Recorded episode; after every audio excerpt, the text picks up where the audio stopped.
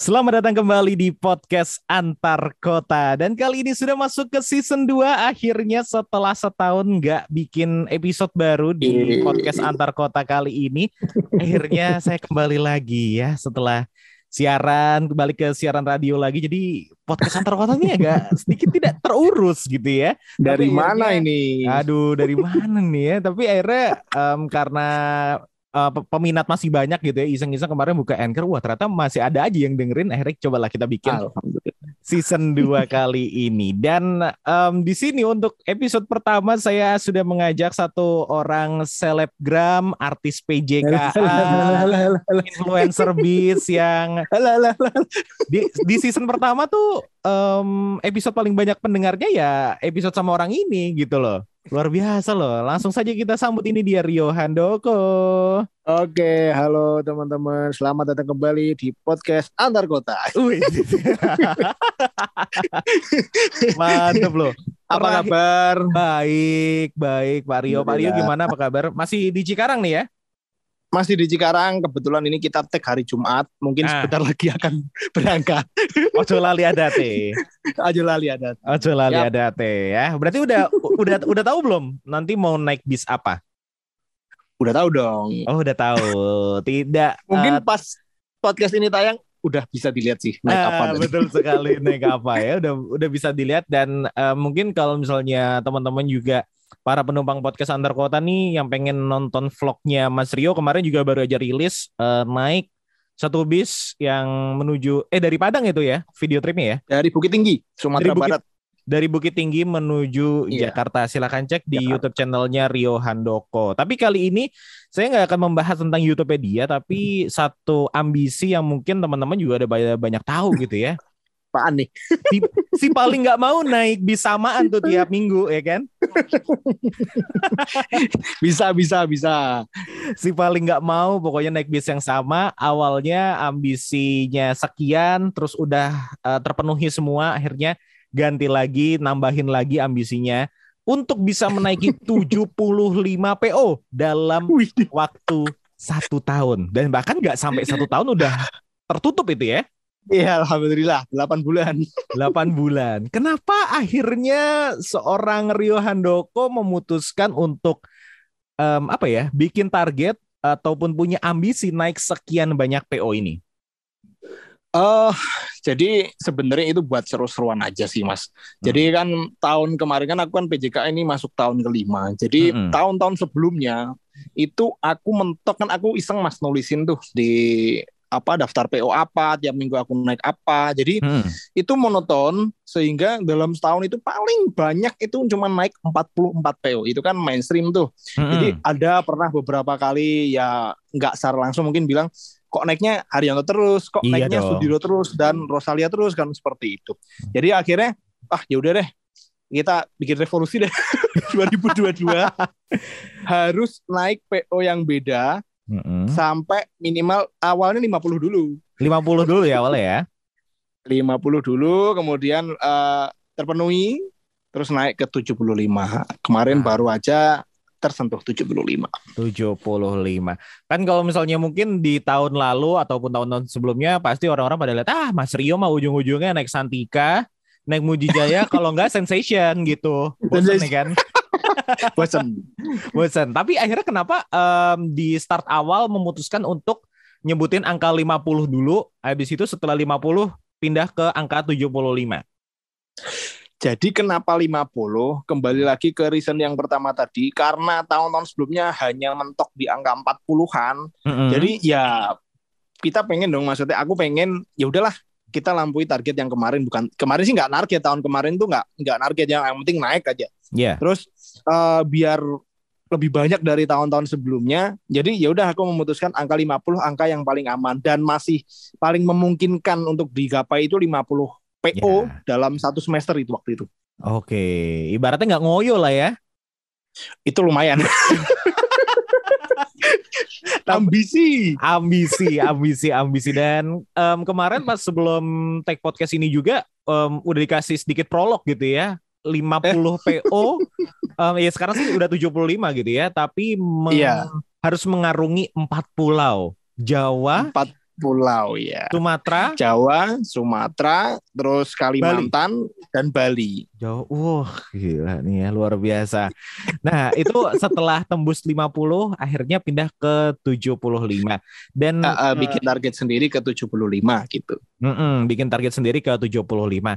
Em, Mm-mm. apa aja sih sebenarnya yang menjadi kriteria eh, dari Mas Rio sendiri memilih PO-PO ini gitu ya. Bahkan sampai harus mengarungi empat pulau yang ada di Indonesia loh. Ini belum bablas sampai Nusa Tenggara aja. Aduh. Jadi sebenarnya secara kriteria khusus nggak ada. Nah, Yang penting kriteria utama adalah belum dinaikin, dah itu aja yang paling gampang. Jadi itu misal aja. udah naik Santika nih, udah naik Mm-mm. Santika ya udah. Berarti selama target belum terpenuhi ya nggak boleh naik Santika, udah gitu aja. Segampang Hmm. itu maksudnya. eh, misal kita belum naik apa berlianja, ya udah kita naik berlianja ya gitu aja. hmm, Kemarin baru banget se- seminggu sebelum tag po- podcast ini, kemarin Hmm. kan juga aku nunggu di agen Cikarang itu kalau teman-teman pernah ke Cikarang, di Hmm. Cikarang itu aku nunggu dari jam 5 sampai setengah 7 baru Hmm. dapat bis yang PO-nya atau perusahaannya belum pernah aku naikin dalam tahun ini. Putra Mulia. Itu aku nunggu dari satu setengah jam itu udah dinaikin semua. iya, Jadi nggak iya, ada iya. kriteria khusus. Yang eh, mengharuskan atau kayak gimana-gimana. Yang penting belum pernah dinaikin dah itu aja. Oke, tapi catatan eh, PO pertama yang dinaikin di list eh, 75 PO ini masih ingat nggak mas? Yang pertama tuh apa? New Santika. Yang pertama New Santika, selalu lah ya top. Santika. top of mind lah ya. Iya. Karena waktu itu kan habis libur Natal dan Tahun Baru. Oh iya. Kemudian kan nyari aman, aku nyari bis yang nyaman dulu. Jadi main aman ya aku pakai yang Santika seperti itu. Oke, dibuka sama Santika dan ditutup oleh Putra Mulia untuk list 75 PO ini. Aku Em. ralat sedikit 75-nya Taruna Mas malah. Oh iya, 75-nya Taruna, Deng. Sorry ya. Taruna. Bener, bener. Iya. Tapi. Eh, Putra Mulia ada di list ke-74 tuh ya emang sebenarnya cukup aneh sih karena kalau misalnya mungkin eh, ambisi ini dijalankan di dua ya pokoknya sebelum masa pandemi lah pasti Putra Mulia tuh masuk ke dalam 20 PO pertama yang dinaikin kali ya. bisa jadi. Cuman eh, rules-nya aku balik Mas. Jadi bis-bis yang gampang dalam tanda kutip itu aku taruh belakang memang. Oh, Jadi yang gitu. aneh-aneh aku taruh di depan. Jadi kayak kayak yang bukan aneh-aneh ya, maksudnya yang yang ter- yang susah digapai itu aku taruh di depan. Kayak Hmm. M-Trans, kayak eh, ya mungkin PO-PO yang di Sumateraan itu aku taruh di depan semua. Jadi nanti yang belakang itu tinggal ya udah belum pernah dinaikin ya mending dinaikin kayak Santika apa kayak Putra Mulia kan mungkin bisa dibilang Ya, gampang kan ya udah gampang gampang. Putra Mulia gitu. Nah, itu dia. Akhirnya sudah terlaksana ambisi tahun ini ya dan mungkin nanti ambisi-ambisi baru lagi yang mau dibikin sama Mas Rio apa gitu ya. Tapi pengen tahu deh, top 5 perjalanan paling memorable. Ini perjalanannya dulu ya, yang paling penuh Mm. cerita. Ya nggak harus lima mungkin atau mungkin tiga ya atau yang paling Mas Rio ingat lah pokoknya. paling memorable dan ya mungkin eh tiga mungkin ya Mas ya. Hmm. Kemarin baru banget Mei ke Medan Mhm. itu ada aku naik Putra Pelangi Dom Torito itu pasti banyak yang tahu karena uh gila harinya. Itu berkesan banget. banget. karena di sana Scania 410 IB itu benar-benar dipacu di 120 di jalan biasa dan itu bikin aduh kaki mau copot Kemudian yang kedua ada satu Nusa itu satu rangkaian perjalanan sebenarnya Ah, dari Banda Aceh ke Medan, Ya. lanjut ke Medan ke Padang itu naik satu Nusa. mhm. Itu single glass 1626 itu Setra. Itu enak banget sih kayaknya ya. Aduh, istimewa banget kalau belum nonton videonya itu wajib nonton situ perjalanannya keren banget. Ah. Terus yang terakhir Palala Mhm. itu sama kebetulan juga dapat yang single glass kan semua hampir ya semua ada yang semua Palala kan single glass Ah. lewatin Singkarak seatnya nyaman jadi ya udah perjalanan tuh bener-bener dinikmati pada saat itu dan yang terakhir ada yang M Trans Mhm. itu yang penumpang dilarang lapar itu ya naik M Trans empat top four lah menurutku lah Top four lah ya. Jadi Jadi perjalanannya yang bikin mm-mm, bikin berkesan ya di situ dia, dia yang bikin berkesan. Tapi pertanyaanku eh, selama touring di Sumatera gitu ya kan ini akhirnya comeback ke Sumatera lagi nih. Bawa Mm-mm. uang cash yang banyak kan pastinya kan. cash malah sedikit semua hampir hampir di, di ah, bukan hampir ya maksudnya di maksimalin dulu kalau bisa cashless. Nah, Eh. kalau kalau kecuali kepepet ya udah mau nggak Eh. mau pakai uang cash gitu loh. Iya iya iya. iya. Aku biar kan sama temanku namanya Yudit. Jadi Hmm. pakai uangmu dulu, ntar di total di belakang. Jadi Wow. aku hampir nggak hampir nggak ngeluarin uang. Jadi Oh, nanti dia gitu. udah ada ranknya berapa ribu gitu misalnya. Hmm, iya. Itu Jadi konsep dia yang bayar. Mm-mm. konsepnya pay later ya. Dia dulu. Pay later Gimana? sama temen. Pay later sama teman sendiri, bener. Paling aman. Oke, itulah tadi makanya eh, kalau misalnya mungkin teman-teman lihat gitu ya di cover podcast ini ada istilah-istilah yang mungkin apaan nih kok ada list-list nama-nama istilah-istilah ini yang muncul dan itu ya mungkin memang adalah gambaran eh, PO-PO ataupun perjalanan-perjalanan yang paling memorable dari Mas Rio Handoko. Nah, tapi aku pengen nanya juga nih, ini tentang rumah makan. Dari 75 PO itu kan pastinya rumah makannya macam-macam, servis makannya Macam-macam. macam-macam juga. Ya meskipun Iya. mungkin memang ada yang sama gitu ya rumah makan dan servis makannya, Ah, ah. tapi Mm-mm. yang masih terbaik tuh sekarang apa sih, Mas Rio? terbaik dari sisi penyajian, servis, terus kan eh, terbaik itu kan relatif ya. Cuman Hmm. kalau menurutku baru kemarin sih waktu naik M Trans itu dari Kediri ke Denpasar di rumah Hmm. makan Titin.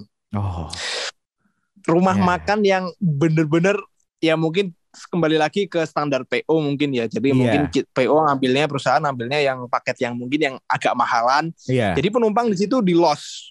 Hmm. ada sate ati, rempolo ati, terus satu makanan itu di los nggak ada penjaganya. Kalau orang-orang itu teman-teman nyebutnya kiper, itu nggak ada.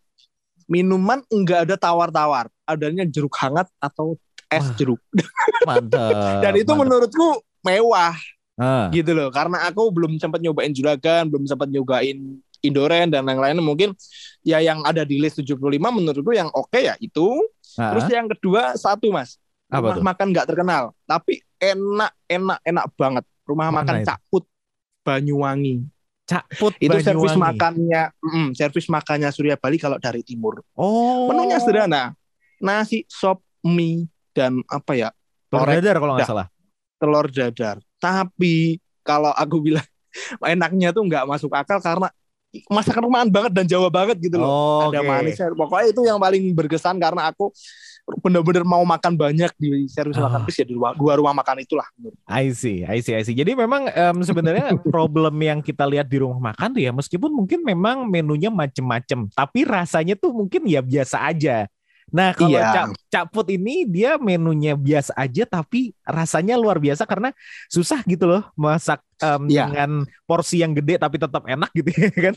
Iya, dan setauku malah mungkin Cakput itu hanya melayani Surya Bali, Mas. Oh gitu. Dia spesialnya gitu. Dia umumnya atau mayoritas tamunya itu malah travel dan truk kalau nggak salah ya kalau asal dikoreksi. Oke. Seperti itu. Oh. Jadi, Eh, banyak belum tentu enak, terus banyak dan enak belum tentu bersih. Lah itu loh Nah, iya bener, bener, bener, bener, bener. Ada ada rumah makan kan yang banyak pilihannya rasanya juga oke tapi kotor. Ya, Terus ya macam-macam variasi lah yang bisa kita cobain lah termasuk waktu di eh, Sanggau di Kalimantan itu juga eh, rumah makannya juga banyak yang mampir cuman ya begitu deh. tempatnya juga oke teman ya tapi aku belum nggak sempat makan jadi nggak bisa menilai secara inilah cara umum Betul sekali. Nah, itulah. Kalau misalnya Titin sih aku udah nyobain dan em- memang titin valid, istimewa enak sekali, istimewa lah pokoknya. dan itu yang penting tadi- los Dan penting loss, yang penting loss itu ya. Tadi kita udah ngebahas tentang rumah makan terbaik. Nah, kali ini kita akan coba masuk ke top 5 eh, ataupun beberapa pilihan gitu ya.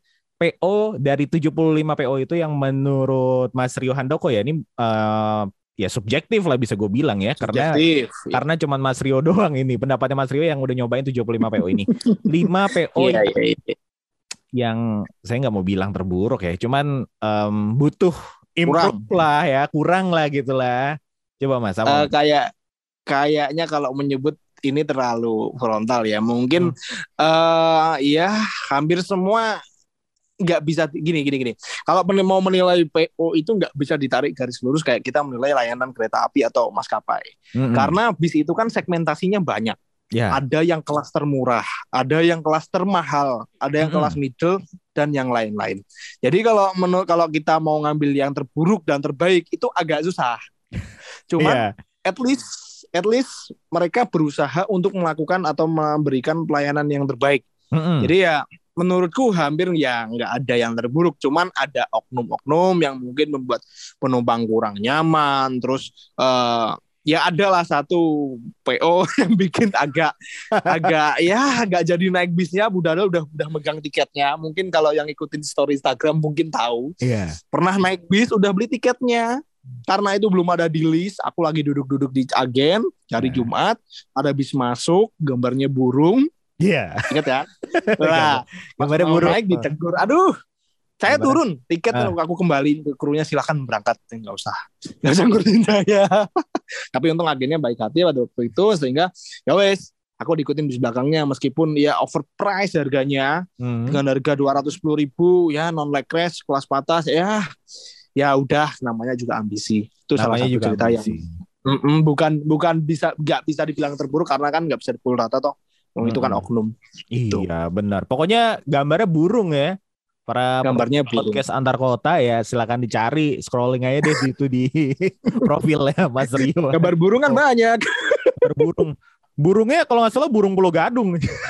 aduh saya nggak bilang ya pokoknya sebenarnya kalau masalah jelek atau enggak tuh ya semuanya nggak ada yang pengen yang jelek gitu ya. Cuman Nggak ada nggak tinggal gimana caranya setiap PO mengimprove pelayanannya itu ya paling ya.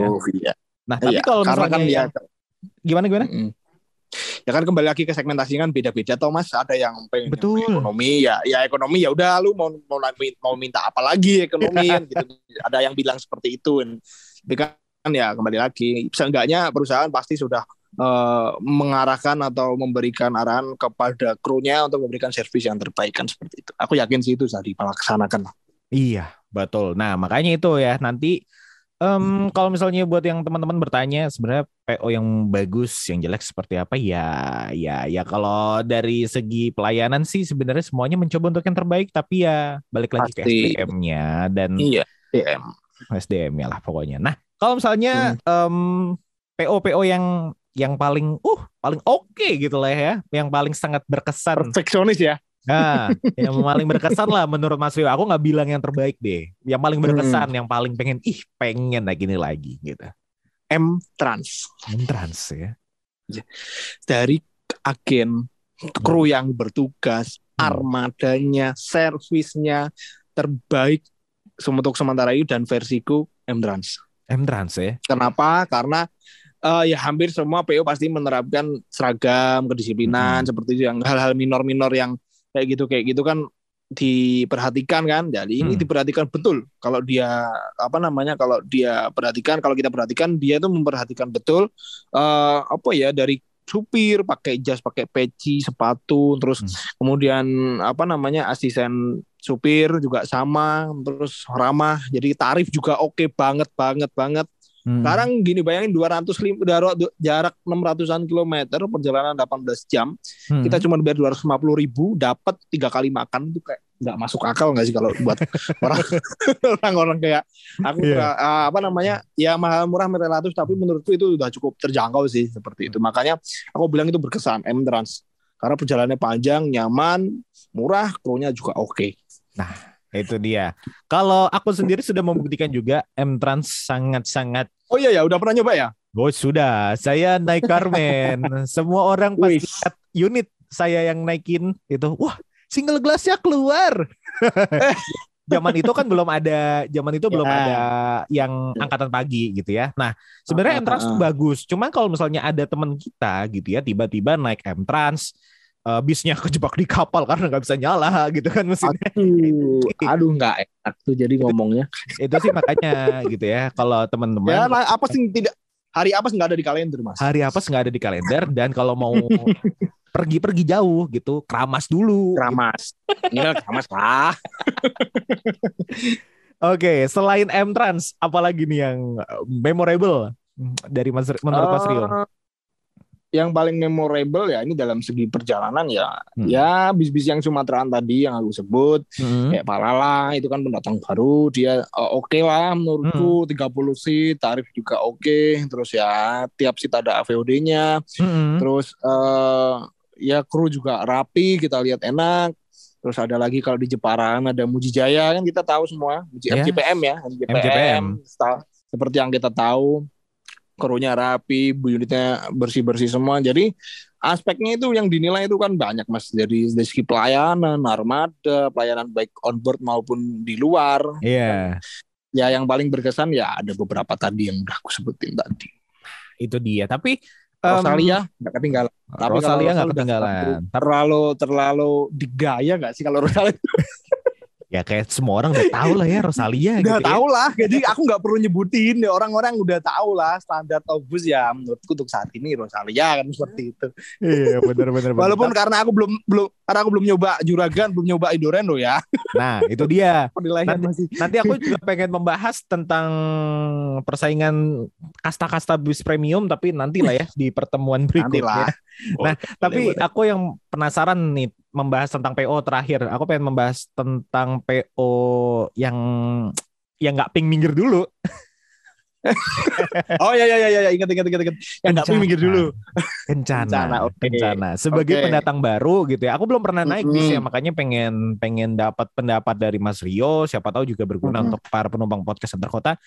Gimana naik bis Kencana Indonesia itu? Rencana Indonesia itu kan berangkatnya dia dari travel. Dia kalau nggak salah plat H ya. Ah. Terus uh, dia menggebrak jalur baru di Jepara Jakarta. Aku sih baru naik cuman sekali.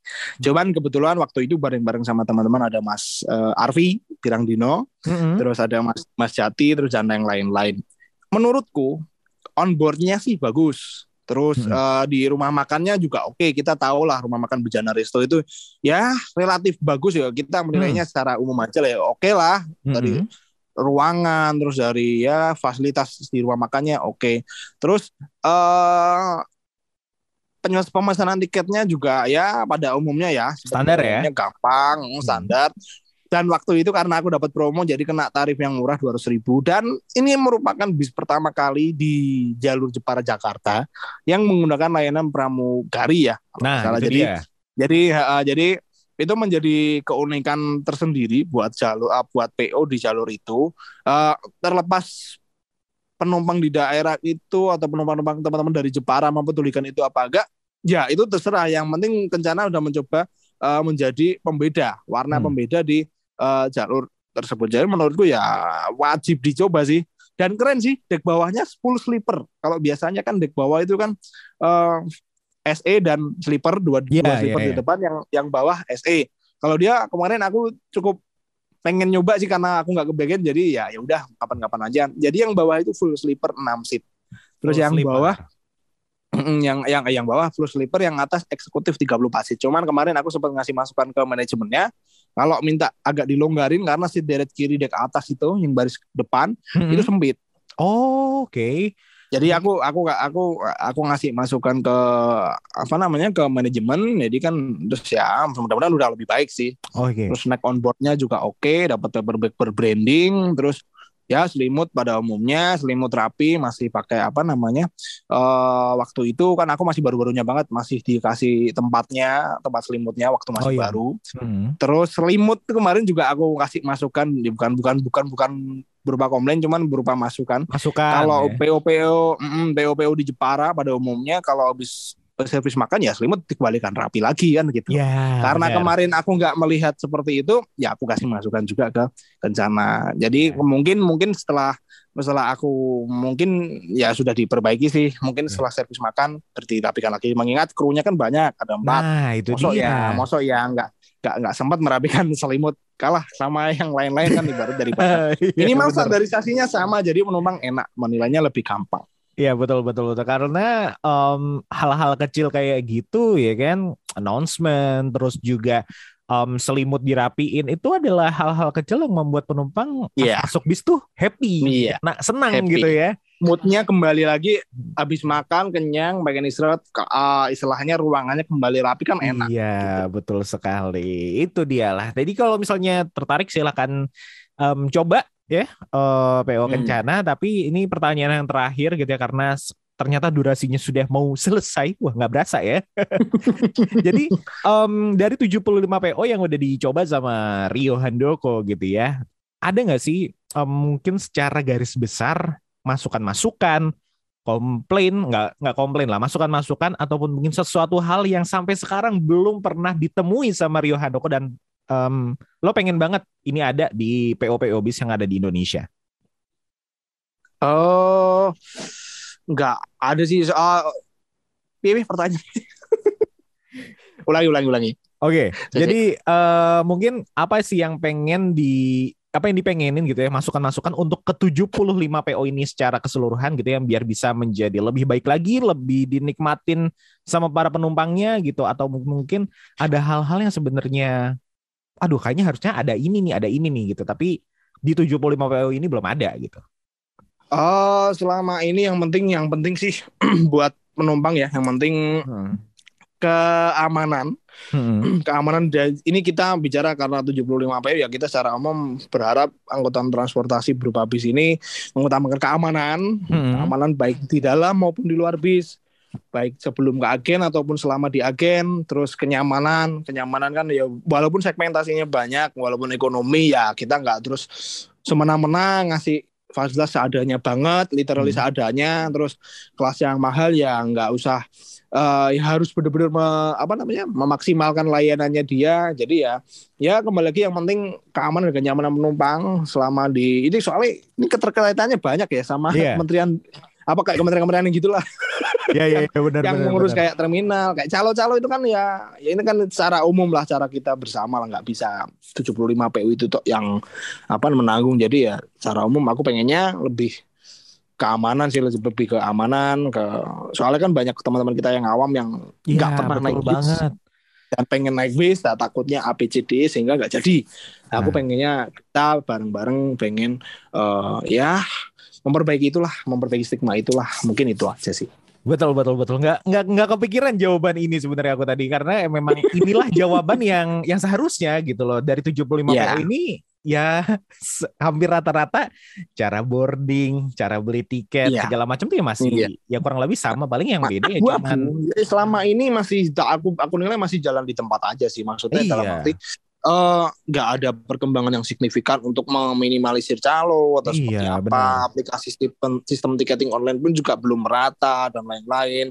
ada yang agen yang belum menerima dan banyak faktor lagi yang mungkin aduh susah lah buat dijelasin secara 75 April karena ini nanti iya. gabungannya menjadi satu kesatuan. Jadi gimana sih caranya bis ini lebih aman atau biar gimana sih bis ini tetap nyaman walaupun kelas yang terendah sekalipun nah, seperti itu. Nah, itu terus belum ada nanti premanisme di bis yang paling ah. kelas ekonomi misalkan itu ya, ya, ya. perlu kita apa ya kita bersihkan bersama lah, cuman itu kayaknya agak susah dan perlu proses. Ya, kita berharap sama pemerintah sih sebenarnya kalau hal-hal ya, ini ya. Lebih ke semoga semoga terminal bisa steril um, kayak iya. stasiun yeah. gitu ya kan. Terus mm -hmm. juga jadi penumpang-penumpang yang mau beli tiket yang belum punya tiket sama sekali datang ke terminal tuh tenang gitu ya. Enggak ada takut. Mm -hmm. ada takut. Selama dan... sementara ini baru beberapa terminal aja sih yang menurut iya. masih ya masih bisa dibilang lebih cukup aman lah nggak nggak aman-aman banget cuman masih lebih mending lah betul sekali sama kalau kalau dari aku sendiri sih sebenarnya um, yang harus di di apa ya dibagusin lagi dari bis-bis tuh sering kita ngelihat stiker wifi di bis tapi mm -hmm. stiker doang gitu stiker doang. Ya itu minor sih menurutku. Iya kan? Karena aku itu kemarin kembali ke faktor kenyamanan sih kalau itu. Iya, benar. Karena aku kemarin kaget gitu ya lihat salah satu um, trip report dari YouTuber si uh, Nugroho Febianto gitu ya, Nugroho yang hmm. lain, Nugroho yang lebih terkenal. Iya. dunia berbisan gitu. Kaget ngelihat dia buka avotnya Indoren terus dia buka bagian browser lah langsung bisa buat browsing saya kayak sampai sekaget itu saya gitu karena, karena karena memang udah ada wifi-nya dan ya menurutku sih itu hal yang penting banget nah, berguna banget terutama di mm-hmm. ya apa namanya di masa-masa seperti kayak gini gitu ya. Udah males juga nonton TV mm-hmm. mendingan nonton YouTube aja Iya iya iya. Well, thank you so much Rio Handoko sudah Sama-sama. menyempatkan waktunya di hari Jumat ini di hari kita take sebelum berangkat uh, berjalan-jalan dan kembali ke keluarga di PJKA gitu ya. Iya. Semoga kita Terima bisa, kasih juga. Sama-sama, sama-sama semoga bisa ketemu lagi di episode berikutnya kita membahas hal-hal seru lainnya ya. Siap, terima kasih. Jangan lupa untuk subscribe um, YouTube-nya Rio Handoko, Instagram at Rio Ondok, um, Facebook Rio Handoko juga ya. Sesuai. Mm -mm. Siap.